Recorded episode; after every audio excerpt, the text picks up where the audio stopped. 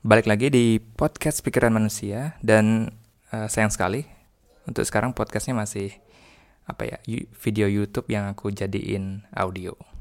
Jadi belum ada podcast yang benar-benar baru. Oh ya dan juga untuk uh, merchandise-nya karena mungkin kemarin banyak yang lagi liburan ya, jadi belum banyak yang lihat postingannya. Jadi aku akan post ulang dan juga uh, banyak masukan kalau nggak banyak sih masukan kalau uh, mending ditaruh di online shop. Jadi aku taruh di Tokopedia dulu karena aku adanya itu. Tapi kalau ada yang mau Shopee atau apa mungkin bisa info aja. Jadi oke okay, bisa dicek ya uh, di IG kita di @pikiran dan manusia. Nanti aku akan taruh link Tokopedia-nya di sana. Oke, okay, buat yang tertarik. Oke, okay, kalau gitu kita lanjut ke episode YouTube yang jadi audio. Oke, okay, thank you.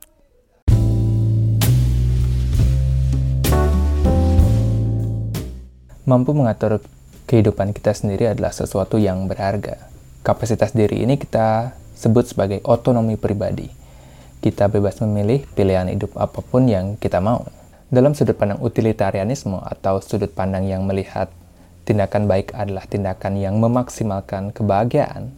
Dalam perspektif ini, memberikan otonomi pribadi kepada manusia adalah hal yang tepat. Hal tersebut karena manusia cenderung lebih produktif dan semangat dalam mengejar apa pun yang dia suka. Dan tentu akan meningkatkan level kebahagiaan mereka. Misalnya orang yang suka traveling akan rajin menabung untuk membi dapat membiayai perjalanan uh, dia nanti. Maka dari itu, dalam filsafat politik, otonomi pribadi adalah suatu hal yang sangat perlu diperjuangkan. Ini karena otonomi pribadi berharga secara instrumental dan juga secara intrinsik atau pada dirinya sendiri. Meskipun kemampuan untuk mengontrol kehidupan kita sendiri adalah suatu yang berharga, tapi bukan berarti nilai ini tidak memiliki masalah. Salah satu tantangan dari otonomi pribadi adalah ya ketololan manusia atau ke ketidakrasionalan manusia itu sendiri. Tidak bisa dipungkiri, eh, kita manusia tidak selalu memilih pilihan yang tepat. Ini adalah nasib yang kita harus terima sebagai manusia. Akan tetapi tidak semua kesalahan kita bisa terima begitu saja. Ada kesalahan-kesalahan yang sangat krusial yang sangat-sangat kita sesali dan kita selalu ingin coba merubahnya. Apalagi akhir ini banyak uh, kasus seperti pinjaman online dan juga judi online. Uh, kegiatan yang awalnya mungkin mungkin ya terlihat harmless gitu, nggak ada bahayanya kayak mungkin cuma minjem sejuta atau cuma deposit 100 ribu gitu.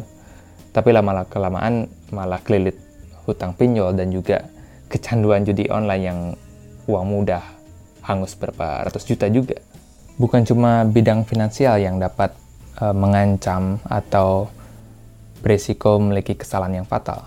Dalam bidang kesehatan pun juga bisa berisiko seperti kegiatan atau gaya hidup rokok, minum alkohol, dan makan makanan junk food yang dapat fatal pada kesehatan kita.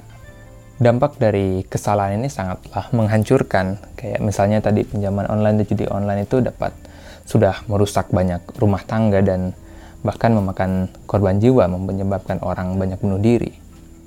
Jadi meskipun kita bisa bilang manusia itu memang tempatnya salah, tapi sebenarnya tidak semua salah kita bisa terima begitu saja. Semua kesalahan fatal ini terjadi karena ketidakrasionalan kita dalam memilih pilihan hidup. Dalam membuat keputusan terdapat bias-bias kognitif yang selalu mengganggu proses kita dalam membuat keputusan kita pikir kita sudah memilih pilihan yang terbaik, yang paling rasional. Ternyata tidak. Kita cuma cenderung memilih apa ya, pilihan yang gampang dan familiar, bukan pilihan yang terbaik. Permasalahan ini didokumentasikan dengan sangat baik oleh Daniel Kahneman pada bukunya yang berjudul Thinking Fast and Slow. Di sana dia membagi cara berpikir manusia menjadi dua sistem dan juga menjelaskan banyak bias-bias kognitif yang manusia miliki. Orang-orang ini cenderung mengabaikan statistik dan menganggap mereka lah yang terpilih yang uh, akan sehat sampai tua meskipun mereka merokok. Bias-bias inilah yang sering membawa petaka terutama pada bidang uh, finansial dan kesehatan. Maka dari itu Sarah Conley, seorang profesor filosofi, berargumen bahwa otonomi pribadi itu overrated. Jadi harusnya otonomi tidak dinilai setinggi itu. Bahwa pada aspek-aspek krusial seperti finansial dan kesehatan, menurut Conley, pemerintah dibenarkan untuk membatasi kebebasan individu jika memang itu dapat meningkatkan kualitas hidup manusia. Pembatasan semacam ini disebut dengan coercive paternalism atau paternalisme paksaan. Contoh penerapan kebijakannya bisa dalam bentuk menaikkan harga makanan cepat saji atau junk food supaya orang tidak tertarik untuk membelinya. Atau misalnya bahkan melarang atau memban rokok dan vape supaya orang supaya tidak terakses oleh anak-anak muda. Aku kira sampai di sini orang sudah sampai udah mulai protes nih, udah mulai sebel gitu.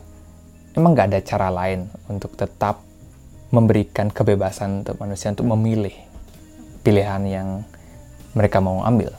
Oke, sekarang kita coba lihat opsi alternatif lain, apakah ini lebih baik daripada coercive paternalism. Alternatif pertama yakni jelas yakni edukasi. Kita udah sering dengar kayak gini. Dulu mungkin kalau zaman narkoba merebak ada banyak penyuluhan atau sosialisasi di sekolah-sekolah tentang bahaya narkoba, dan dampak-dampaknya. Terus sekarang lagi merebak judi online, kita banyak lihat mungkin influencer yang yang benar gitu ngasih tahu bahayanya judi online dan um, berusaha untuk membuat orang berhenti melakukan kegiatan seperti itu. Solusi ini terdengar masuk akal dan memang seharusnya dilakukan. Tapi Conley berpendapat bahwa pendidikan tidaklah efektif.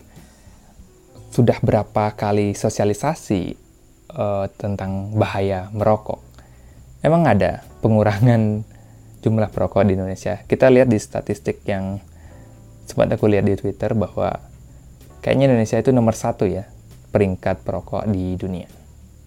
Tentu mungkin memang ada pengurangan, tapi di hadapan bahaya kegiatan merokok ini itu kurang efektif edukasi tersebut menurut Conley dan sangat lama prosesnya. Maka dari itu Sarah Conley pikir ini adalah strategi yang tidak tepat.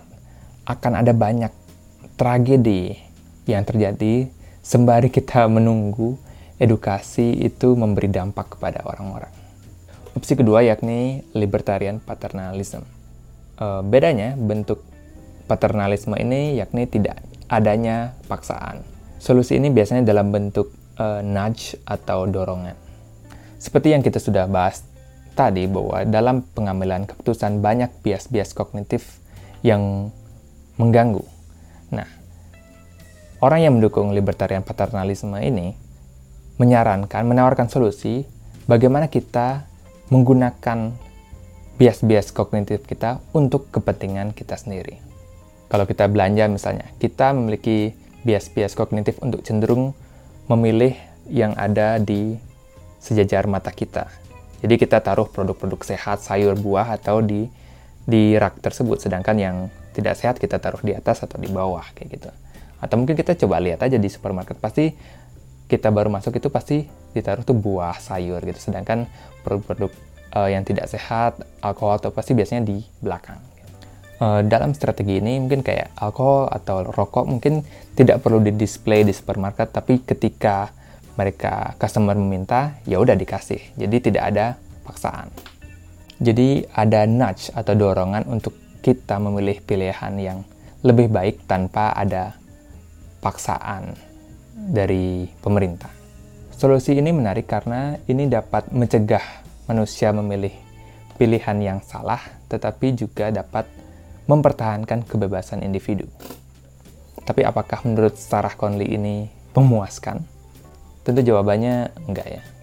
Ya tentu uh, dalam solusi ini manusia masih bisa memilih pilihan yang dia mau. Tapi bukannya ini apa ya, bentuk suatu bentuk manipulasi ya. Ya ini sama aja kayak coercive paternalism. Orang kira mereka milih pilihannya sendiri, tapi sebenarnya mereka dimanipulasi. Atau kita dimanipulasi untuk memilih yang diinginkan oleh pemerintah. Selain itu, orang yang sadar akan metode ini atau tipu daya ini akan mengabaikan, udah akan paham trik-triknya. Dan juga orang yang kecanduan misalnya, sebagaimanapun kita taruh bias kognitif, ya akan nyari benda itu orang dia sudah kecanduan kayak gitu. Jadi solusi ini terdengar bagus tapi tidaklah efektif menurut Sarah Conley. Maka dari itu, sepertinya opsi terbaik yakni coercive paternalisme, di mana pemerintah mengambil peran dalam mengatur perilaku manusia supaya mereka terhindar dari risiko dan bahaya yang dapat mengancam kesehatan dan kesejahteraan masyarakat itu sendiri. Setidaknya itu menurut Sarah Conley. Seperti yang sudah ada di pikiran kalian, pandangan ini sangatlah kontroversial dan sudah menuai banyak kritikan. Permasalahan utama tentu pelanggaran terhadap kebebasan individu. Pandangan ini dianggap mencampuri kehidupan pribadi dan hak asasi hidup manusia di mana itu tidak diperlukan dan memang kenapa? Kalau pilihan orang tidak rasional ya. Mungkin orang beranggapan bahwa ya aku ngerokok ya kenapa? Aku minum alkohol kenapa? Ya itu pilihanku sendiri. Permasalahan lain tentu dalam bentuk penyalahgunaan kekuasaan. Mengizinkan pemerintah atau otoritas untuk mengatur apa yang baik dan tidak baik untuk manusia dapat membuka celah untuk penyalahgunaan kekuasaan. Uh, kritikus khawatir bahwa kebijakan yang paternalistik ini dapat disalahgunakan untuk tujuan politik dan ekonomi yang tidak selalu sejalan dengan uh, individu atau masyarakat. Contohnya kayak nggak deh. Dua kritikan tadi cukup memberikan gambaran kenapa pandangan Conley bermasalah. Tapi yang menarik menurutku adalah gagalnya Sarah Conley dalam melihat aspek positif dari otonomi pribadi. Conley lupa bahwa kesalahan dan kegagalan manusia yang sebenarnya juga sangat berharga. Melalui kesalahanlah manusia tahu apa yang benar dan melalui kegagalanlah manusia tahu apa itu tanggung jawab dan juga belajar pentingnya pengambilan keputusan yang tepat. Ide Sarah Conley mengenai coercive paternalisme ini menghilangkan konsep the freedom to fall atau kebebasan untuk jatuh bahwa kesalahan manusia itu juga sangat penting bagi banyak orang dan kita tidak bisa menghilangkannya begitu saja hanya demi kesejahteraan manusia itu sendiri. Jadi gimana? Apakah kalian setuju dengan Sarah Conley bahwa ya karena kita itu banyak bodohnya ya dan sering melakukan kesalahan yang fatal, jadi ruang geraknya harus dibatasi atau ya kita memiliki kebebasan untuk jatuh, untuk salah dan menentukan pilihan kita sendiri aku pengen tahu pendapat kalian bisa uh, serukan ide kalian di bawah. Thank you udah mau nonton. Uh, aku yoga. Semoga hari kalian menyenangkan. Bye